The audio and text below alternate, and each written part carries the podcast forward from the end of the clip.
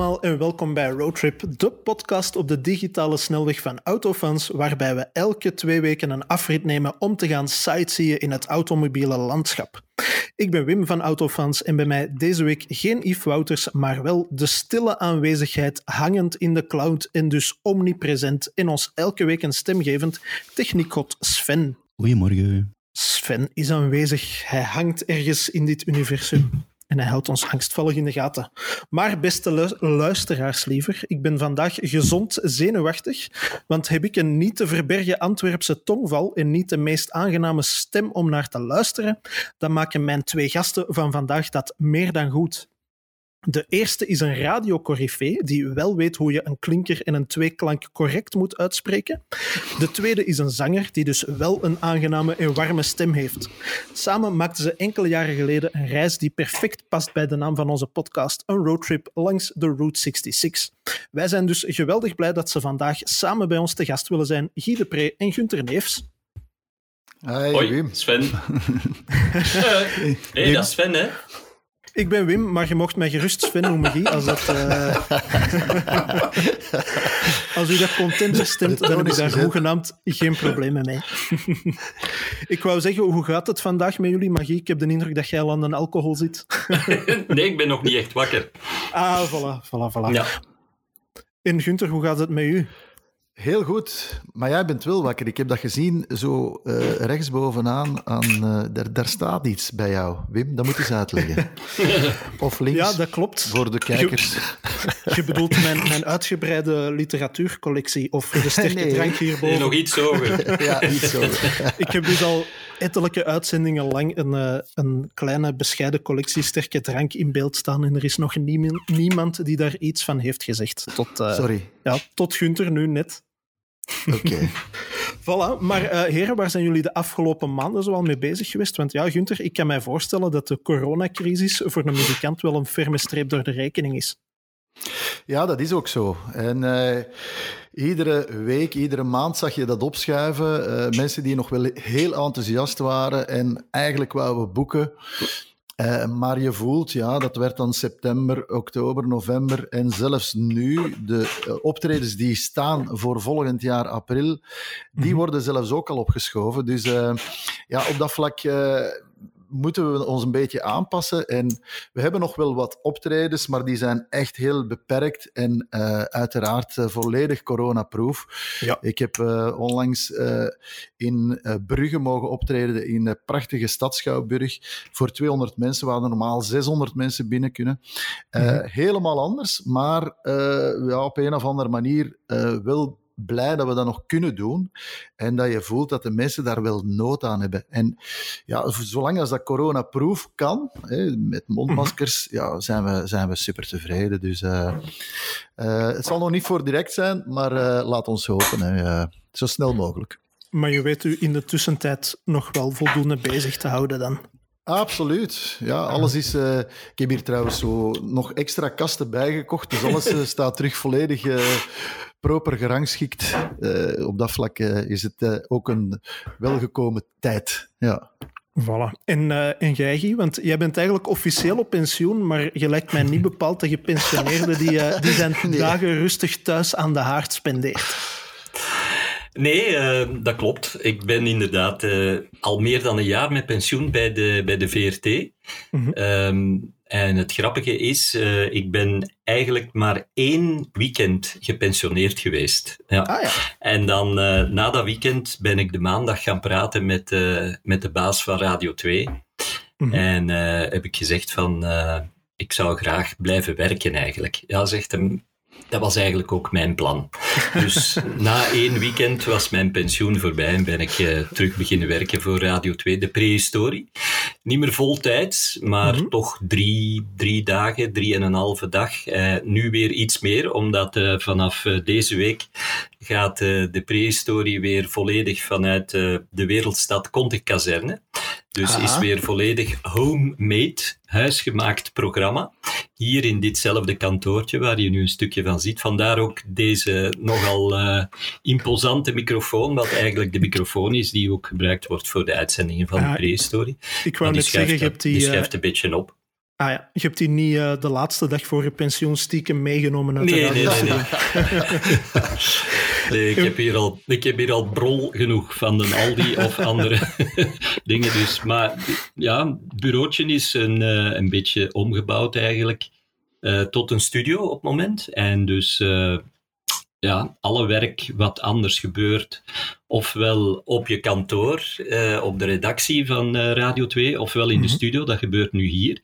Dat, is iets, dat gaat iets moeizamer, dat duurt iets langer en het resultaat is ook net iets minder professioneel, maar het is eh, aanvaardbaar. Ik, eh, Ja. ah, het is à la guerre comme à la guerre, hè, want dit is eigenlijk is bijna een oorlogssituatie.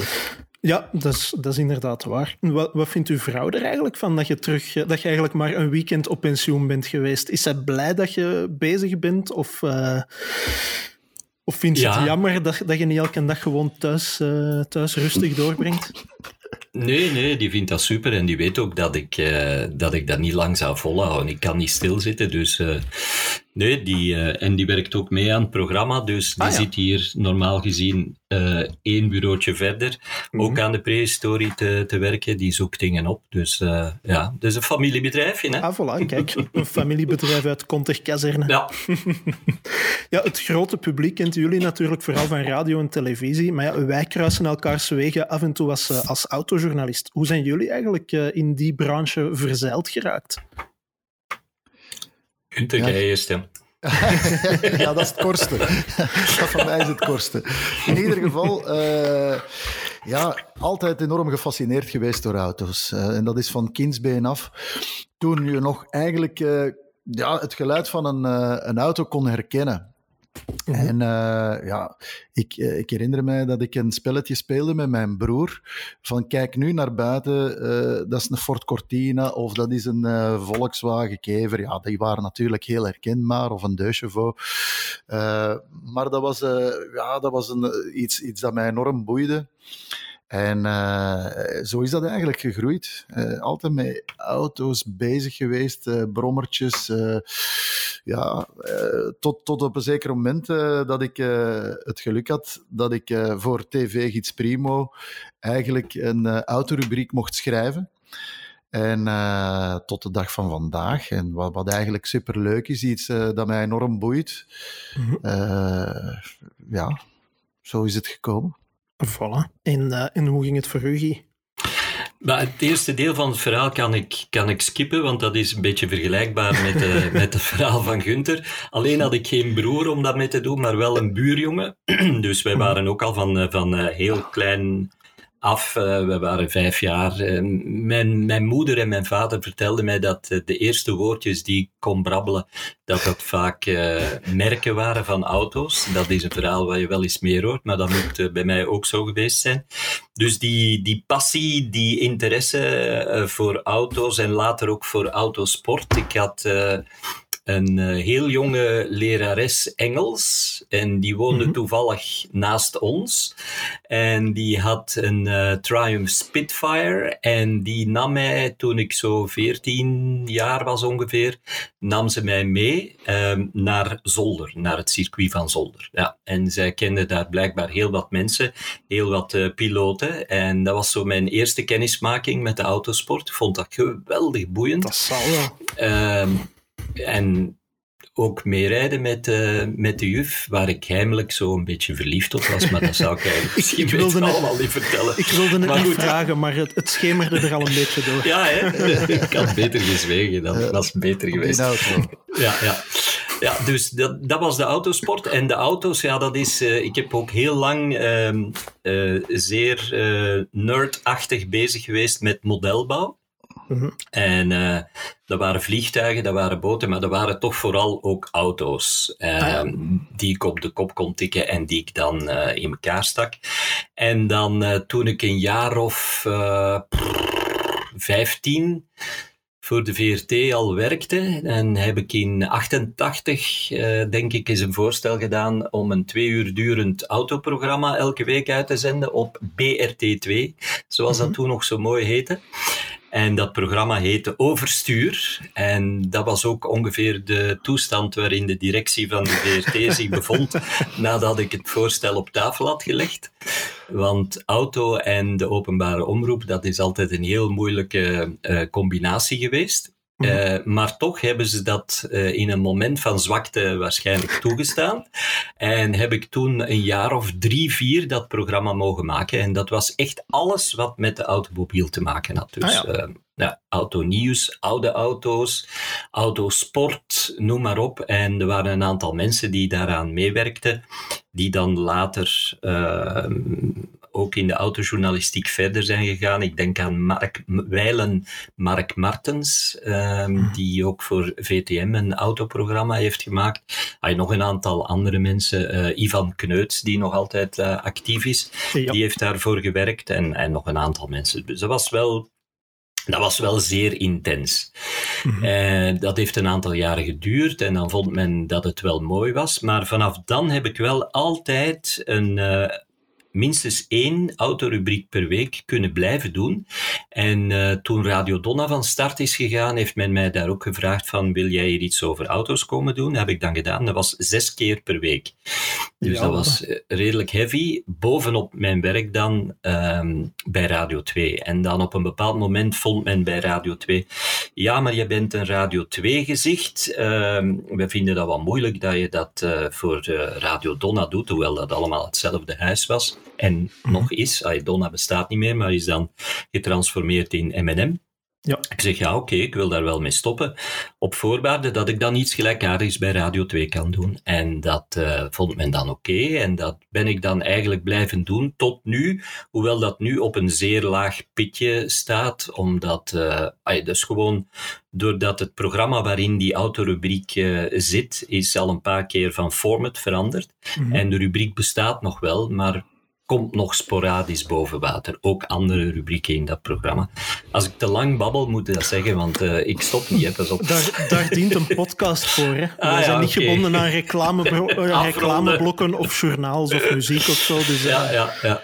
Dus, en dan daarnaast nog een beetje schrijven, zo links en rechts af en toe. Ja. Maar het is toch vooral voor de radio geweest. En dat was eigenlijk altijd heel plezant, omdat... Uh, ik, uh, dat is misschien een beetje stout, maar ik heb mij altijd een beetje vrolijk gemaakt over het feit dat dus de, veel van de autojournalisten werkten voor tijdschriften in der tijd, en nog neem ik aan, en uh, voor kranten, en uh, vonden zich vaak ontzettend belangrijk, maar voor tijdschriften, dat duurde drie tot vier tot vijf weken eer dat dan verscheen. Terwijl ik ging dan mee naar een persvoorstelling en ik stond dan meteen uit dezelfde dag. dus dat was natuurlijk de snelheid van, uh, van de radio, van wat medium, nu ook ja.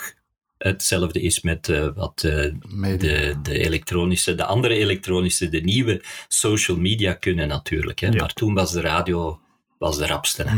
Is dat niet ontzettend moeilijk om, om iets over auto's te vertellen als je, alleen maar, ja, als je inderdaad alleen maar geluid ja. hebt? Ja, maar dat is, dat is vrij snel veranderd, omdat we dan, uh, ja, we hadden dan een Radio 2 website waarop je dan foto's, filmpjes, er werd daarna verwezen.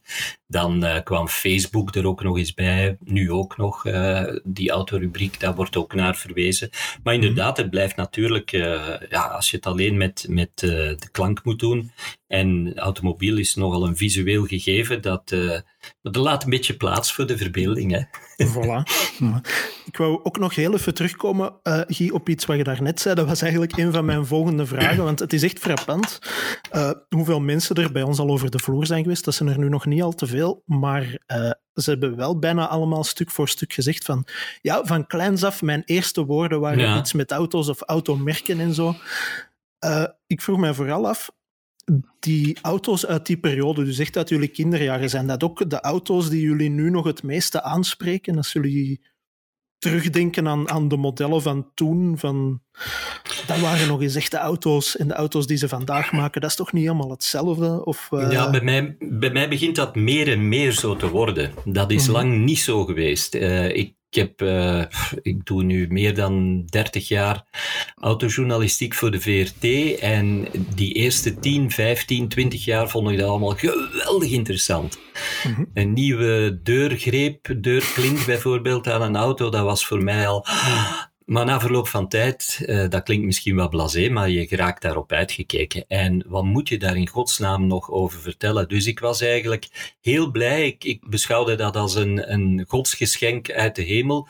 Toen er werd uh, overgestapt op uh, voertuigen die op alternatieve energiebronnen draaiden, bijvoorbeeld de elektrische ja. auto, um, auto's op waterstof, dat was, dat was een, een godsgeschenk. Want meteen mm -hmm kon je al wat je verteld had uh, de voorbije 25 of zoveel jaar vergeten en begon je terug opnieuw.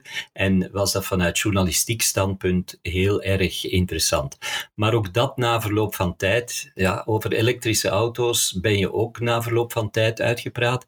En het zal misschien ook met de leeftijd te maken hebben, maar ik moet eerlijk zeggen, ik ben meer en meer um, geboeid, geïnteresseerd uh, door klassieke auto's, classic cars. Dat moeten daarom geen oldtimers zijn van, van 80 jaar geleden. Maar, en dat hoeven ook niet per se de auto's te zijn uit mijn jeugd. Maar mm. wat ik wel een beetje heb, is zo de dingen die ik toen niet uh, en dat is ook redelijk klassiek hoor, maar de, de dingen die ik toen niet kon kopen omdat ik daar geen geld voor had, daar snak ik nu soms naar. En soms kan ik mij dat dan ook uh, cadeau doen. En dat is, uh, ja, is, een beetje, is een beetje verschoven. Hoe zit dat voor u, Gunther? Is dat ook zo de, de klassieke periode van uw jeugdjaren die u het meest blijft, uh, blijft aanspreken? Of zijn er toch ja, ook modernere denk... dingen? Ja, uiteraard uh, modernere dingen ook, want je volgt alles. Maar het is wel zo dat je dikwijls teruggrijpt naar een, uh, een periode, zoals Guy vertelt, dat je eigenlijk een, een, een auto ziet uit je jaren waar je ofwel zelf geboren bent, uh, dat vind ik mhm. dan al heel tof. In mijn geval is dat het jaar 65, fantastische wagens dat ze toen maakten. Maar ook een periode dat je zelf jong was en uh, die wagen niet kon betalen. Dus daar bedoel ik mee 18 jaar. Hè, dat, is dan, uh, ja, dat zijn, wagens uh, van de jaren 80, 85, zo daartussen. Uh, dat, vind ik, dat spreekt mij enorm aan. En je ziet dat trouwens ook in de oldtimers, dat dat aan het weghebben is van alle uh, vooroorlogse wagens. Die zijn eigenlijk nu uit de markt aan het gaan. En je voelt ook dat die prijzen aan het dalen zijn. Dus wat er mhm. nu enorm in is, dat is inderdaad de Young Classics. Omdat ja. er veel uh, jonge gasten zijn die, die zeggen van, hé, hey, maar ik zeg nu maar iets, een Peugeot 205 GTI, hè, dat was toen ook revolutionair. Uh, ja, wat, ik vooral, wat mij vooral boeit zijn, zijn auto's die iconisch zijn, die, die op een of andere manier toch een bepaalde stempel hebben gedrukt. En dan spreek ik bijvoorbeeld over een DS, eh, waar, waar, toen enorm, ja, waar heel het autosalon uh, gek van was. Uh, -hmm. maar, maar ja, dat, dat, is heel uitgebreid, want uiteindelijk sprak je daarnet, uh, Guy, over een Spitfire. Spitfire was toen ook uh, een Triumph Spitfire 1500. Fantastische auto. En ik herinner mij nog dat de secretaresse van mijn vader uh, die nieuw kocht. En dat was vlak in, in zal dat beamen, dat was in Mechelen. Want dat was uh, effectief, uh, in Mechelen was er, uh, waar Procter Gamble zit, de, de hoofdimportateur van British Leyland. Mhm. En die, die verdeelde die wagens daar. Uh, jij moet dat nog waarschijnlijk geweten hebben.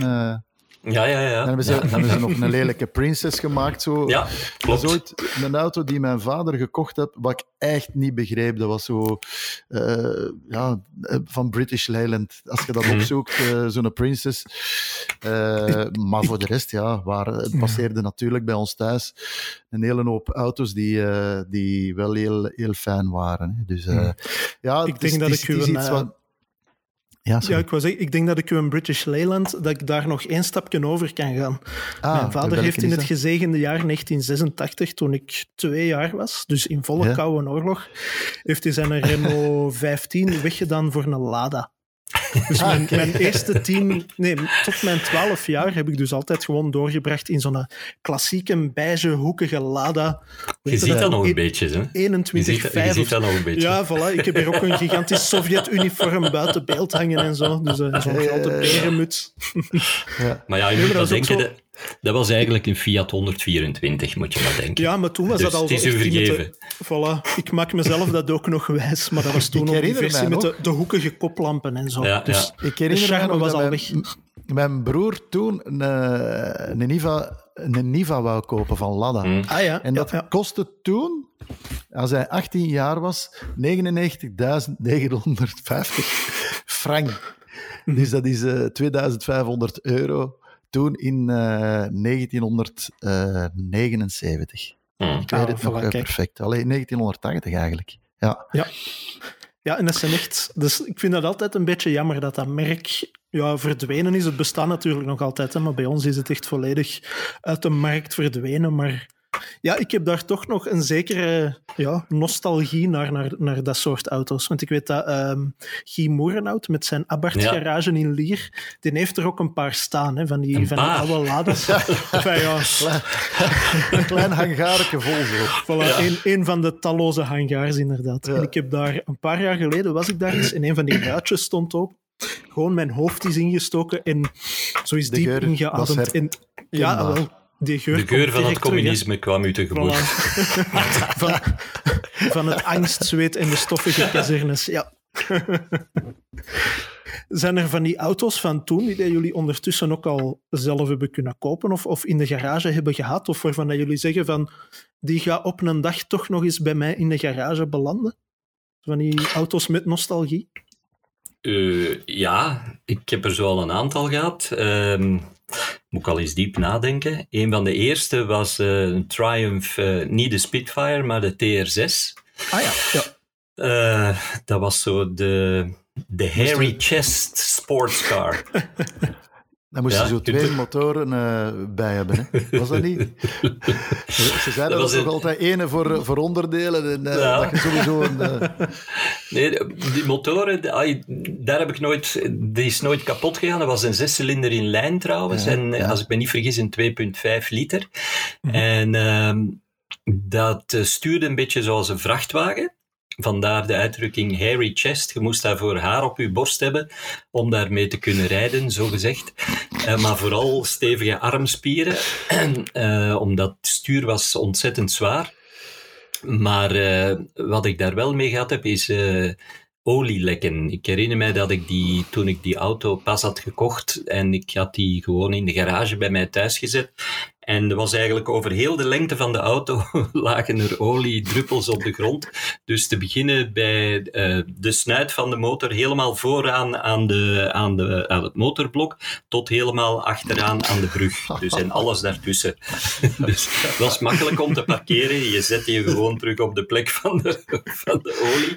En dat heb ik toen laten herstellen bij eh, een bedrijf in Mechelen, Gunther, die gespecialiseerd zijn, bestaan nog altijd, in eh, Britse klassieke auto's. Ja. En eh, die, eh, ik zeg ja, maar die auto die lekt.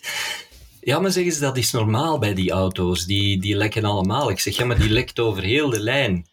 Ja, we zullen dat eens nakijken. En die hebben toen alles vernieuwd. Dat heeft mij ontzettend veel geld gekost.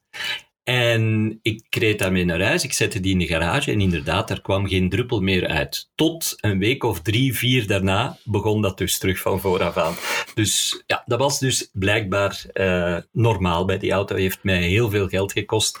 En dan ben ik eh, definitief eigenlijk overgeschakeld op, eh, op Italiaanse auto's. Om, om bij de olielekken te blijven? Of, Ja, ik kon de olierekeningen niet blijven betalen. Nu, ik had daarvoor ook al Alfa's. Ik heb Alfa's. Van in 1973, denk ik. Ook andere auto's altijd wel gehad. Maar altijd is er wel een Alfa geweest, ofwel een recente, ofwel een klassieke. En eh, nu, een jaar geleden ongeveer, heb ik eh, mij terug een Alfa Romeo GTV 6 gekocht, op, eh, gebaseerd op de Alfetta van toen. Ja. Ehm, Omdat hij een In- aluminium blok heeft en eigenlijk ook krom trekt, zodanig dat hij terug wat olie lekt. eh. Oei, nu gaan ik veel mensen tegen mij. eh. Nee, die lekt niet. Die lekt niet. Nee, maar dat is de auto die, die ik had toen ik eh, mijn huidige vrouw leerde kennen. En uh, we hebben daar uh, heel fijne uitstapjes mee gemaakt, op reis mee geweest, hele, hele toffe tijd mee meegemaakt. En ik was dus eigenlijk al een tijdje op zoek terug naar zo'n GTV6. We zijn in de tijd aangereden geweest door een stomdronken uh, chauffeur met een Porsche 924 op de Boudewijnsnelweg toen we terugkwamen van Limburg naar huis, s'nachts om drie uur. We zijn toen door het oog van de naald gekropen. Die auto was totaal los. Um, dus ik heb altijd zo'n beetje een dubbel gevoel uh, rond die auto. Maar dit was een exemplaar dat, uh, ik heb dat in Nederland gevonden dat er zeer goed uitzag, uh, dat zeer goed reed. En dat had dezelfde buitenkleur, dezelfde, dezelfde kleur van interieur, was van hetzelfde bouwjaar. Dus eigenlijk was dat de wedergeboorte van de geweldige GTV 6 die wij in de jaren 80 uh, hadden toen we elkaar leerden kennen. En die staat nu niet in de garage hiernaast, maar ergens anders. Mhm. Dus dat was zo, die, die moest ik en die zou ik hebben. Zo. Dat was een beetje jeugdsentiment uh, voor, voor ons allebei. Veel meer voor mij dan voor mijn vrouw, moet ik toegeven. Maar bon. Ze laat u stilletjes doen. ja, ja. Voilà. En, en voor u, Gunther, staat er zo ook iets in uw garage of op uw lijstje van uh, dingen die absoluut nog eens in de garage moeten belanden? Goh. Ik heb me vroeger uh, wat bezig gehouden, ook met, met oldtimers. Ik vond dat ook uh, enorm boeiend. Um, want eigenlijk was het abnormaal als je 21 jaar was, dat je uh, een MGA kocht van 56. Dus dat was eigenlijk voor mijn geboortejaar. Uh, of een uh, 250 SE Coupé, die -hmm. ik nog altijd heel, heel mooi uh, vind van 65, die, die trouwens ook in cabrio bestaat, die nu veel geld gaan. Maar ja, daar zijn zoveel auto's dat, dat ik echt wel heel mooi en fijn vind. Maar ja, bon, begin, begin je daarmee. Dus af en toe gaan Guy en ik uh, eens naar een beurs, nu natuurlijk een beetje minder, om uh, ons te verlekkeren op uh, een aantal auto's die daar geweldig staan te blinken. en ehm, ja, dikwijls is het verlangen veel groter dan het hebben. He, ze zeggen dat ook met een boot, zo van uh, zoek absoluut iemand die een boot uh, heeft en koop -hmm. er vooral zelf geen, want dan werk je je dood. En een boot is twee keer plezier bij de aankoop en de verkoop. Uh, ik ga niet zeggen dat dat bij auto's ook zo is, maar in ieder geval, je hebt dat dan en dan zie je maar eerst ja, hoeveel keren kan je ermee gaan rijden. maar dat is net hetzelfde met, met motto of weet ik wat. Dus ja, ja ik, ik hou het toch nog altijd op, op het ja, liefde liefdevol bekijken, zal ik zeggen. Mm -hmm. het, het, zoeken naar is even leuk als de effectieve ja. aankoop. Ja, dat klopt. Absoluut. absoluut. Ja, klopt. Daar valt zeker iets voor te zeggen. Ja, de uh, lol is eraf als je het hebt. Met auto's bedoel ik. Zo, ik heb al heel lang op mijn... Uh... Ja.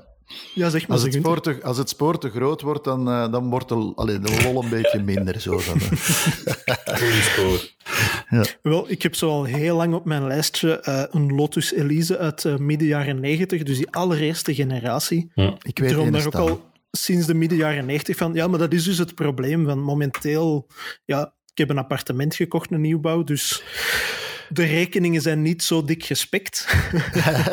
en ja, ik was aan het wachten tot die stilaan richting oldtimer gingen, maar die regeling voor oldtimers is nu ook weer uh, opgekrikt. Die schuift dus alsmaar 30... op, hè? Ja. ja, het is erom. Dus tegen de tijd dat ik hem eindelijk ga kunnen kopen, gaan die ook onbetaalbaar geworden zijn, vrees ik. Dus ik begin mij er stilaan bij neer te leggen van misschien is het verlangen naar en het zoeken naar eigenlijk gewoon hetgeen waar ik mij mee, moet bezighouden. Ja, en wat je Dus, uh, vooral hebt, hè, dat is als je dat echt maniacaal volgt, hè, en ik, Mhm. ik doe dat dus iedere avond en ik ga nu iets bekennen, maar dat is gewoon, ik pak mijn iPad en dan begin ik echt te scrollen tot in Spanje en, en overal, om Ja. te zien waar dat welke auto op eh, welke plaats, hoeveel die kost.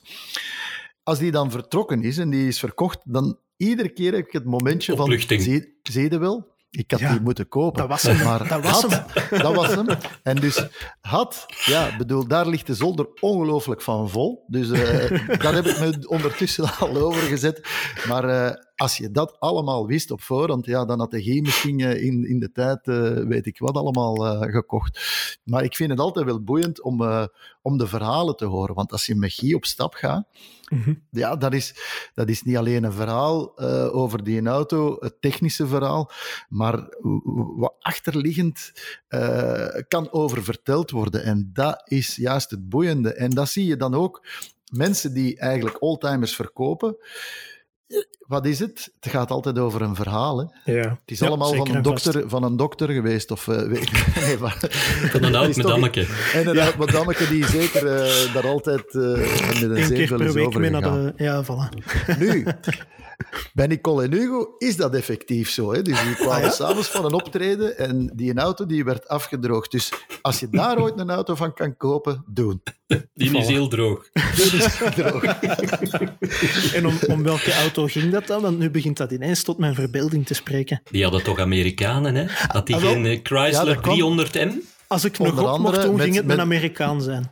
Ja, met zo'n speciale snuit. En dat kwam omdat, uh, als ik mij niet vergis, was uh, Nicole haar vader.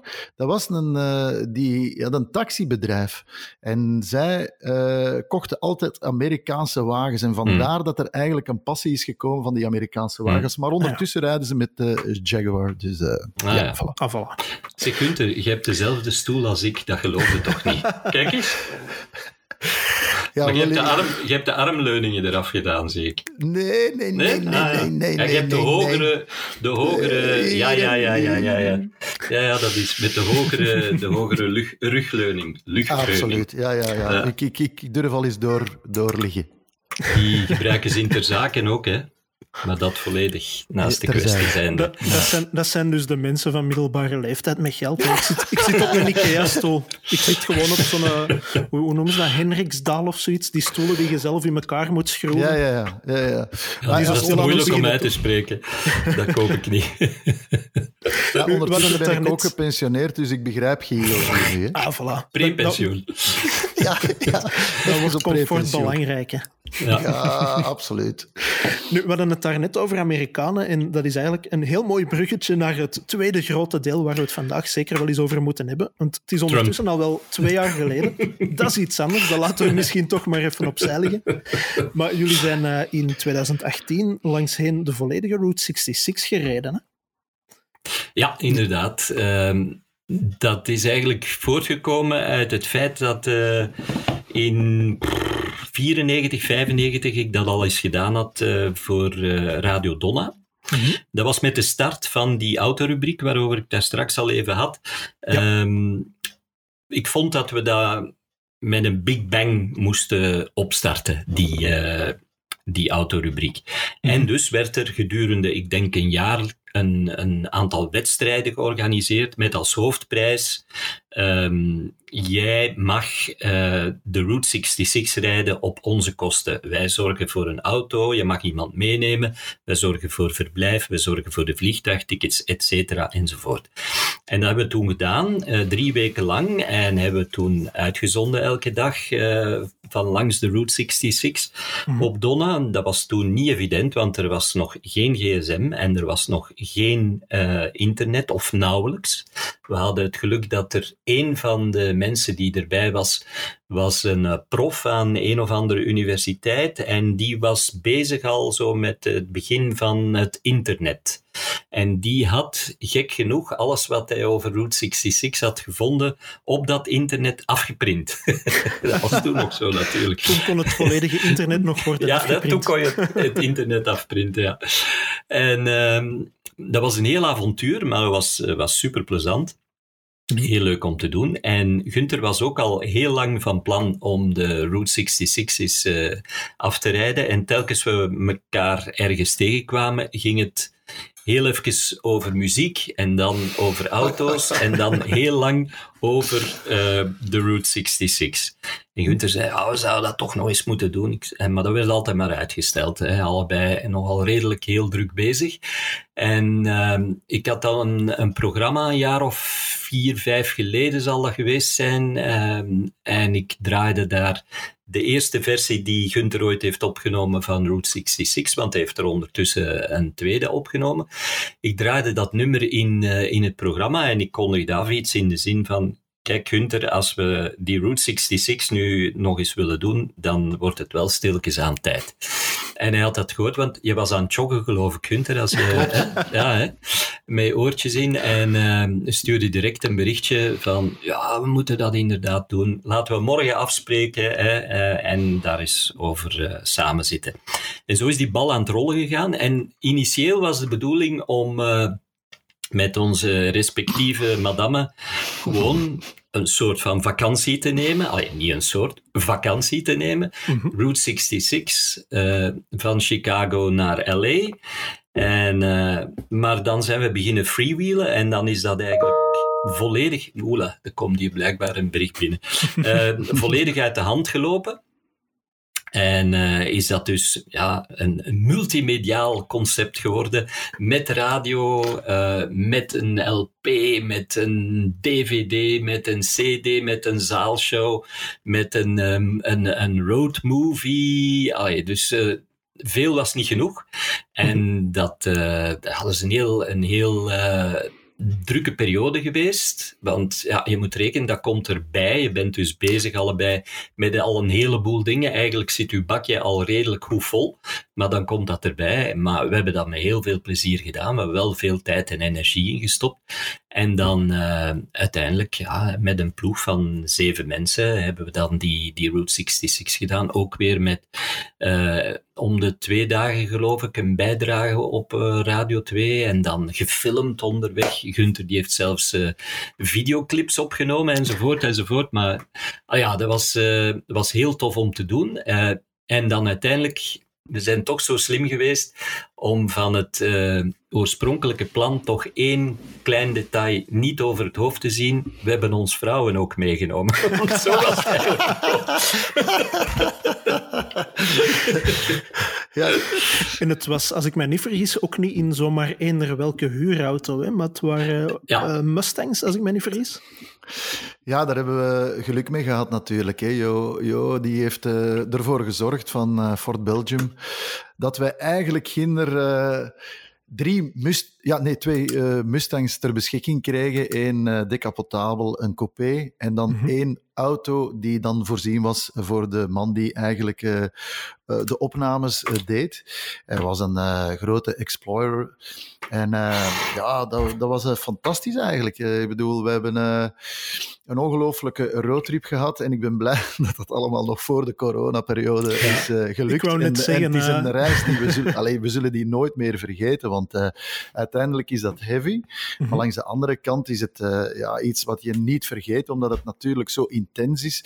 Uh, je mag ook niet vergeten dat we uh, echt goed onderzocht hebben van hoe we dat allemaal gingen doen. We hadden dan op een zeker moment ook van de Route 66 Association van Nederland, hadden wij meneer Bessels, die ons wegwijs gemaakt heeft in een uh, route. En uh, ja, natuurlijk. Guy had het al eens een keertje gedaan en dat geeft mm -hmm. veel. Uh, want uiteindelijk ja, is, dat, is dat niet te onderschatten. En, en het is ja, 5000 kilometer dat we, dat we ja, eigenlijk rijden. Ja, 4000.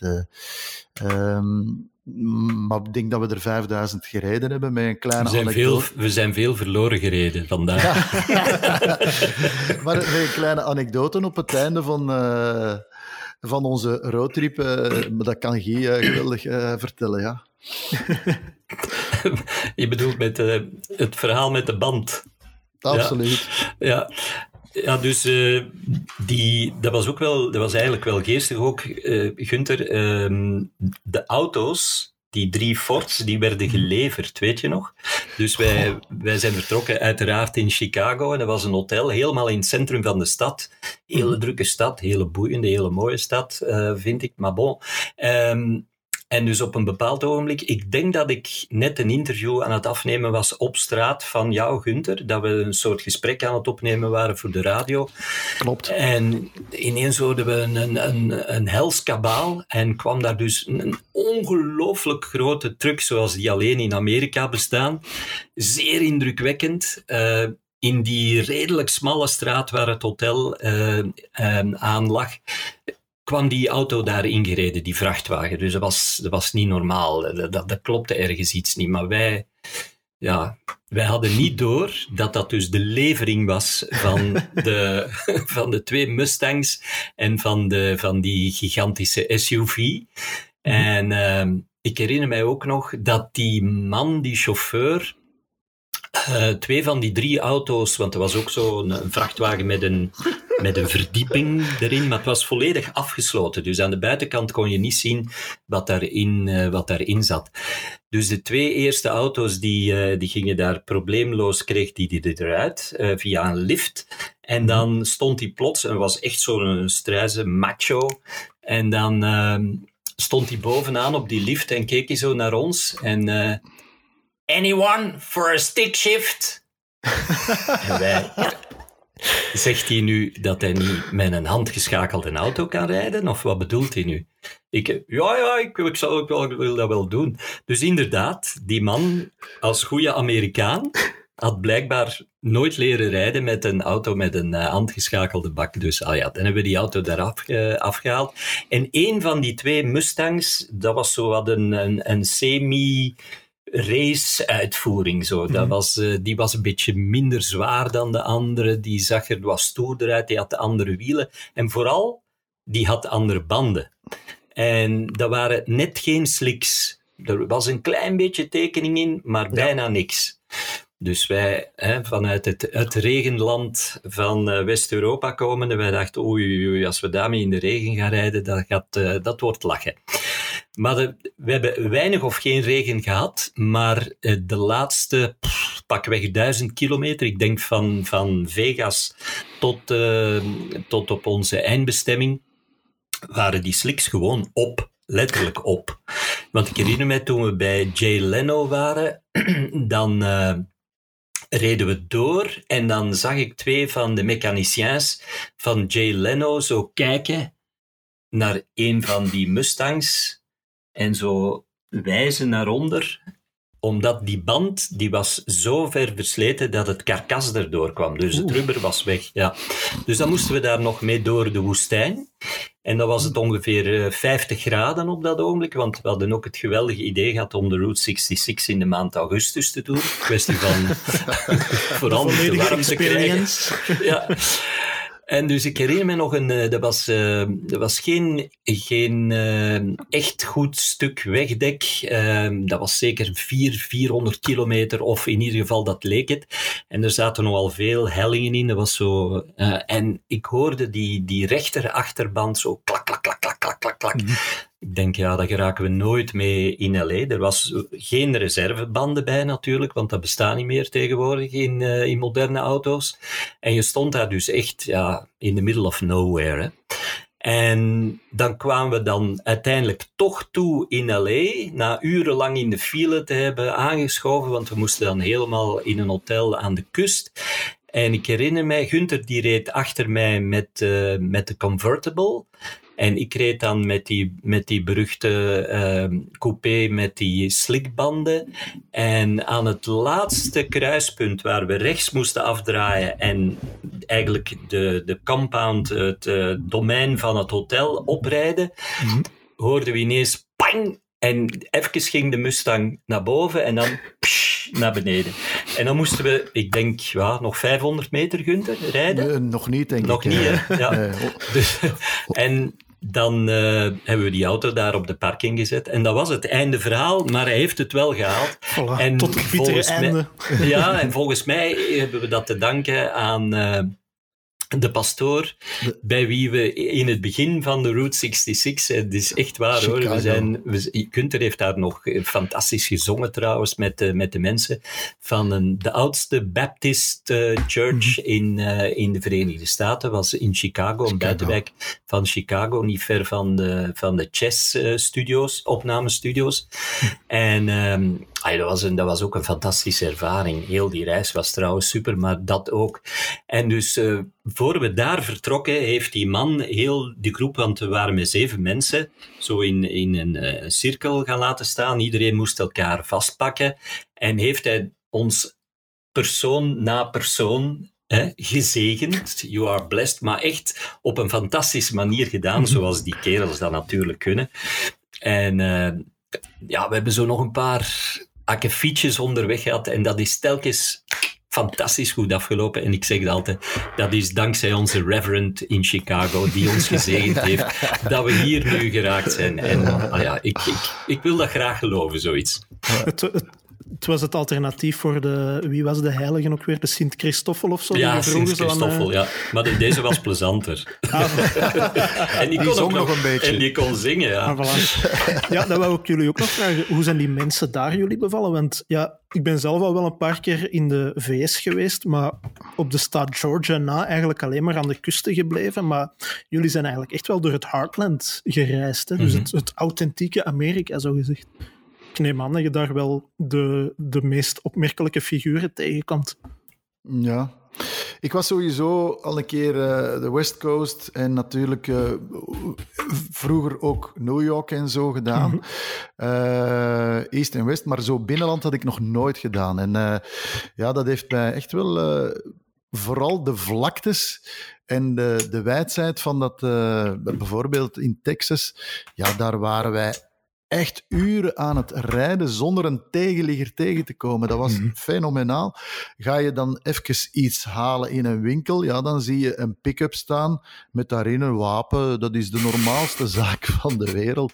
Dus uh, op dat vlak is het uh, helemaal anders. En ik denk dat je daar ook niet uh, even de, de plezante moet gaan uithangen. zeker niet in, in het binnenland daar. ik weet niet wat de mening van G is, maar ja. hij zal het beamen. Ja, ik, ik zeg altijd, als je de kusten verlaat van de Verenigde Staten en je rijdt het binnenland in, dan heb je soms de indruk uh, dat je meer in Afrika bent dan in Amerika. En dat is niet neerbuigend bedoeld hoor, maar bedoel, zoals Gunther zegt, je komt niks of niemand tegen gedurende uren is iets dat wij hier in West-Europa niet meer kennen. Alles is hier volgebouwd. Dat is ook te zien aan de, aan de COVID-19-cijfers. Um, maar ja, je, je komt in een heel andere Verenigde Staten eigenlijk dan waar de meeste mensen inderdaad ten eerste leven en de meeste mhm. toeristen naartoe gaan. Naar de grote steden aan de west- of aan de oostkust. Maar het is wel, uh, denk ik, het echte Amerika. Dus echte, de echte Verenigde Staten. En we hebben een aantal echt ook opvallende figuren. Uh, Harley heet hij zeker, Gunther? De man daar die in een...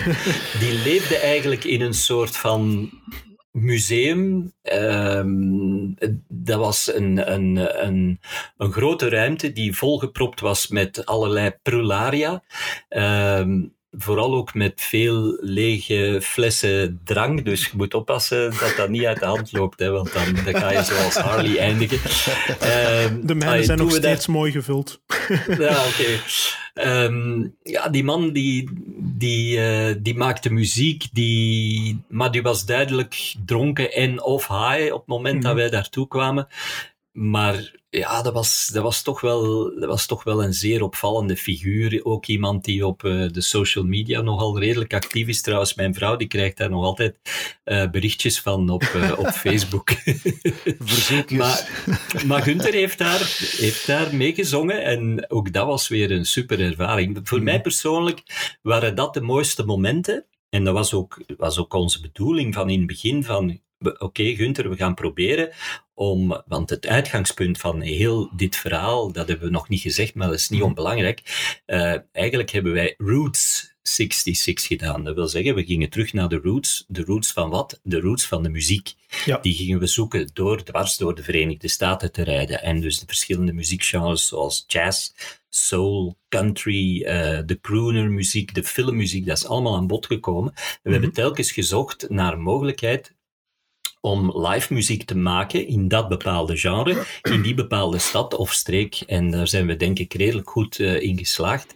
En Gunther, voor mij persoonlijk waren de mooiste momenten dat uh, Gunther dus effectief met mensen van daar kon zingen, muziek maken en dat hebben we dan ook uh, kunnen opnemen. Dat hebben we gebruikt uh, voor een stuk op de radio en dat is ook mm-hmm. gebruikt uh, voor een stuk in de road movie. Dus een goede tip, jullie volgende podcast gewoon integraal de Roots 66 road trip uitzenden. Dat is, uh, dat is 50 minuten, dus dat is, dat is ideaal. Dat is, dat, is de, dat is de perfecte lengte, inderdaad. Is, ja, voilà.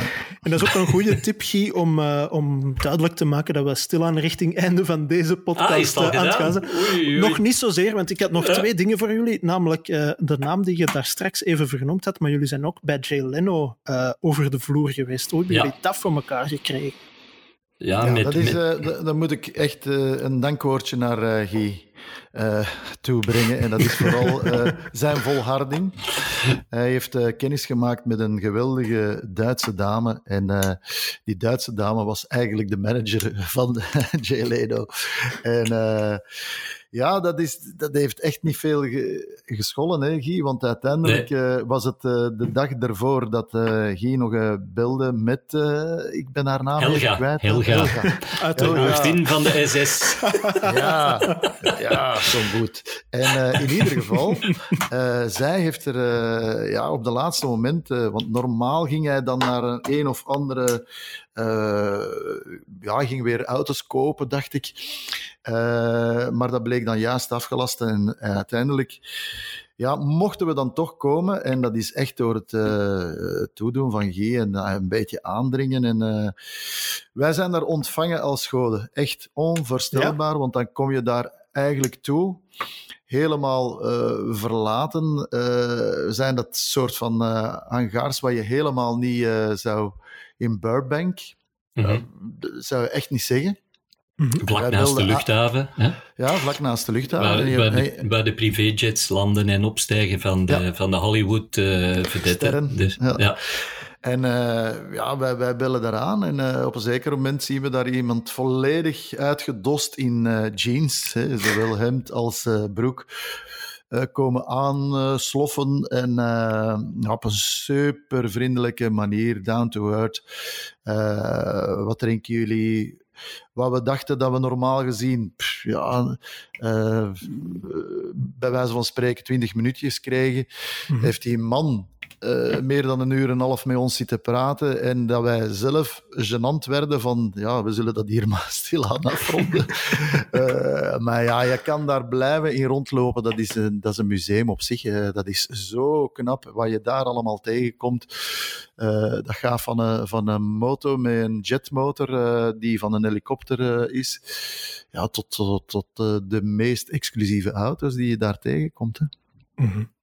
Ja, hij heeft alles, hè. Hij heeft alles, hè. Hij ja. heeft ook een hele grote collectie, uh, inderdaad, uh, motorfietsen. Hè. Dat weten de ah, meeste ja. mensen niet. Ah, ik bedoel, hij pakt uh, uit. Ah, dat, is, dat, dat, is slecht verwoord, want hij pakt niet uit. Hij is, hij is heel down to earth, zoals Gunther zegt, heel bescheiden eigenlijk.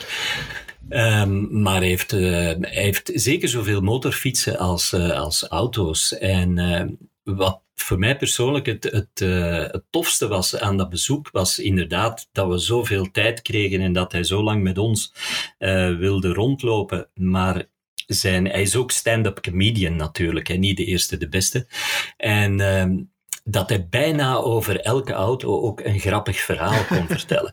Met als gevolg, dat is allemaal gefilmd geweest door onze geweldige cameraman Christophe met zijn dochter, die, uh, Olivia, die de, die de klank opnam. En eigenlijk is daar geen lap mee aan te vangen, omdat ik als een, een onnozele puber heel een tijd hi, hi, hi, ha, ha, ha, oh, oh, oh, gedurende heel dat bezoek. Ik vond het allemaal zo fantastisch en allemaal zo grappig, maar dat onnozel lachje, dat loopt dus de hele tijd. loopt de hele tijd door. Maar hij kon, hij kon onwaarschijnlijke verhalen vertellen. Uh, Gunther haalde daar even die, uh, die motorfiets met die jet engine aan. Uh, en hij rijdt dus met alles, hè. Rijdt ah, ja. met alles. En alles is ook gewoon starten en wegwezen. Hij heeft ook een, een klein legertje uh, mechaniciens en technici en restaurateurs bij hem. Maar bon. En uh, dus hij, hij, ging er uh, een ritje mee maken en hij had van achter op die, uh, op die motorfiets een bordje hangen. Hou minstens, ik weet niet meer precies, maar ik zal maar zeggen, twee meter afstand. Mm -hmm. van, van de, en er, er moet ene geweest zijn, een gast met een Japanse auto. En die zal waarschijnlijk wel bijziende geweest zijn en die is dichterbij komen rijden aan, toen ze stop, aan een stoplicht stonden, om te lezen wat er op dat bordje stond. van hou twee meter afstand. En Jay was al een beetje vooruitgeschoven aan dat licht, maar ja, hij moest wachten, want het was rood. En die auto kwam ook dichterbij en hij zegt, ja, dan kan ik er ook niet aan doen. En hij vertrekt wanneer het licht op groen springt. En dus de hitte die uit die straalmotor komt, heeft gewoon de voorbumper, die in plastic is bij een moderne auto, die druppelde, die liep als slot naar beneden van de Japanse auto.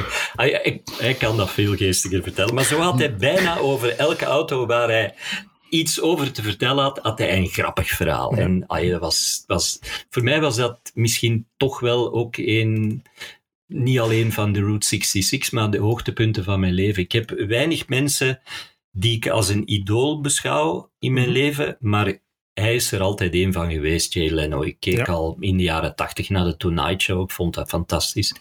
En ik heb hem dan altijd gevolgd met zijn autoverhalen, nu ook nog altijd met Jay Leno's Garage, waar hij mm één of twee keer per week iets nieuws voorstelt, of iets ouds.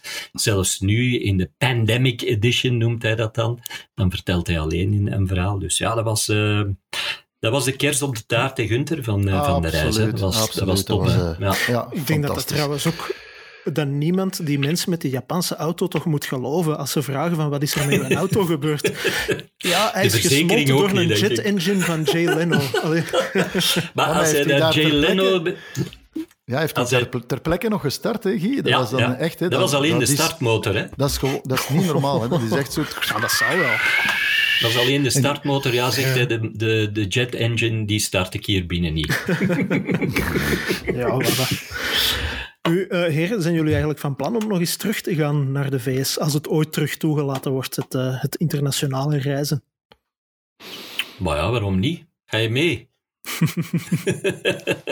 ik zou, als we langs Jay Leno gaan, zou ik ook geen nee zeggen. Ja, er zijn eigenlijk nog zoveel dingen te doen. Hè. Je zou echt uh, ja, een, een, een, culinaire route kunnen gaan doen uh, langs Italië en uh, ja, op zoek gaan naar mensen die daar, ja, Belgen die daar gaan wonen zijn. Ik fantastische noteer. verhalen. Ja. Culinaire rit. Zoals een echte autojournalist, dus de culinaire. Ja, maar, maar en, dat op uh, een fijne manier. En, en uh, ja, ik vind okay. dat fantastisch. Uh, voilà. een beetje... 2022, Gunther? Schrijf ik dat al op? Ik kan 21 even, zal nog een beetje rap zijn. Ik kan eens even hiernaast met die, die dokter hier, agenda? met die dokter hier praten. Is dat vaccin? Oké, okay, ja. ja, dat is goed. Is genoteerd. Voilà. Goed idee. Voilà. Uh, ja, want ik neem aan, heren, het verhaal van de Route 66, doen jullie daar vandaag nog iets mee? Of is dat stilaan afgerond voor jullie? Of, uh... Nee, ik, wij zijn, allez, althans, ik ben nog uh, volop bezig met met een show daar rond te geven. En uh, mm-hmm. ja, dat is eigenlijk... Eh, ik, ik, ik zei het net, hè, het was uh, in Brugge dat, uh, dat er in de stad Schouwburg zo'n optreden was. En dat is twee keer drie kwartier. En dat is echt de reis van Chicago vertrekkend, eindigend in L.A. met de filmmuziek. Ja. En al hetgeen dat daartussen komt. Maar dat is, dat is één boeiend verhaal, één ja, fijne muziekroute, dat live gebracht met zeven muzikanten.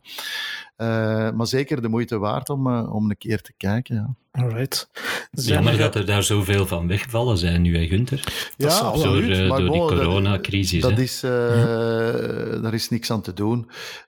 maar met de nieuwe route die we gaan doen, gaan we dat zeker goed maken. voilà. Alleen Italiaanse muziek. ja, ja. Zijn, er, zijn er plekken online of elders waar mensen kunnen volgen waar jullie nu mee bezig zijn? Of waar, waar ze in de toekomst dingen kunnen lezen? Wat jullie nog van plan ja, zijn? Sowieso uh, TV Gids Primo. Uh, mm -hmm. Dat eigenlijk om de maand uh, doe ik dan een rubriek van vier auto's. ik heb het ook in het verleden nog eens gedaan voor Joe FM, wat ook heel fijn was. En inderdaad, radio is nog, nog iets anders natuurlijk. Hè. Maar... Um, Ja, en uh, wachten totdat we terug kunnen gaan optreden. Uh, we zijn her en der wel bezig, maar uh, dat is heel beperkt. Ja. Ja, bij mij moeten ze zelfs niet kunnen lezen, ze moeten alleen luisteren. zondag. voilà, ik wou net zeggen, dat kan nog gewoon elke week zondag ja. op Radio 2. Dat is één vaste waarde. Uh, gelijk welk virus dat er aankomt, er is maar één, één persoon die dat allemaal overwint. De legende. De, de rots in de branding. Nee, er is, er, is één, er is één virus dat nog sterker is dan het coronavirus het radiovirus. Ah, kijk. Is dat geen mooie, geen mooie? Daar, daar kunnen we inderdaad echt niet over. Uh, voilà, dus dan rest er mij alleen nog maar om jullie waanzinnig hard te bedanken om uh, dit mooie uur voor ons vrij te maken. Want ik heb het gevoel dat we eigenlijk gewoon nog een heel eind kunnen doorpraten ja. over allerlei anekdotes. Maar misschien moeten we Zeker. dat gewoon eens voor een andere keer bewaren. Goed, Gunther, Guy, waanzinnig hard bedankt voor jullie tijd. Bedankt, en, Wim. Iedereen Salut, die geluisterd Wim. heeft, opnieuw bedankt voor het luisteren. En, over en de twee onzichtbare weken Sven ook bedankt. De ja. onzichtbare Sven is steeds aanwezig ah, geweest. Kijk, daar is hij. Voilà. Alright, heren, waanzinnig bedankt. Dank je wel. En tot de volgende. Ciao. Salut, bye bye.